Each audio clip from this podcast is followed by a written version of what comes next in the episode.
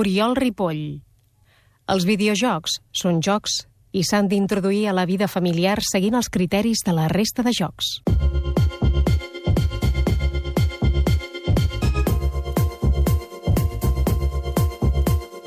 Soc Rafael Vizquerra, director del postgrau en Educació Emocional i Benestar de la Universitat de Barcelona. La tecnologia ha suposat una revolució en les comunicacions. Avui en dia ens costa imaginar-nos que els Jocs Olímpics de Barcelona en 1992 es van celebrar sense mòbils.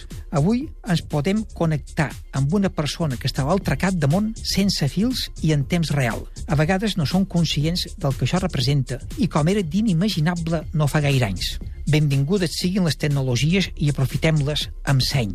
La facilitat de la comunicació fa que puguem rebre una quantitat de missatges per internet, WhatsApp o xarxes socials que no caldria fer altra cosa en tot el dia que atendre a tal quantitat d'informació. Hi ha moltes persones que el primer que fan al matí quan es lleven és posar-se a l'ordinador per despatxar el correu i l'últim que fan abans d'anar a dormir és aixecar-se de l'ordinador deixant encara correu per despatxar.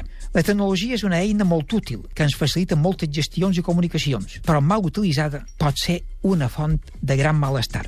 Sobretot estic pensant en la dependència de les tecnologies i en el ciberbullying. De cara a l'educació, les tecnologies presenten diversos perills sobre els quals convé educar tant als estudiants com a les famílies. Entre aquests perills hi ha les dependències, el ciberassetjament i tot el que a vegades llegim a la premsa. Aquests temes són prou importants i complexos com perquè sigui important difondre informació i recomanacions que orientin sobre la millor manera de prevenir-los i afrontar-los des dels primers símptomes tant a la família com a l'escola. La tecnologia com a eina que és es pot veure com un ganivet, molt important i necessari per tallar el pa i els aliments que necessitem per viure, però que mal utilitzat pot fer mal a les persones. Fem servir la tecnologia en favor de les persones i evitem els riscos que pot tenir.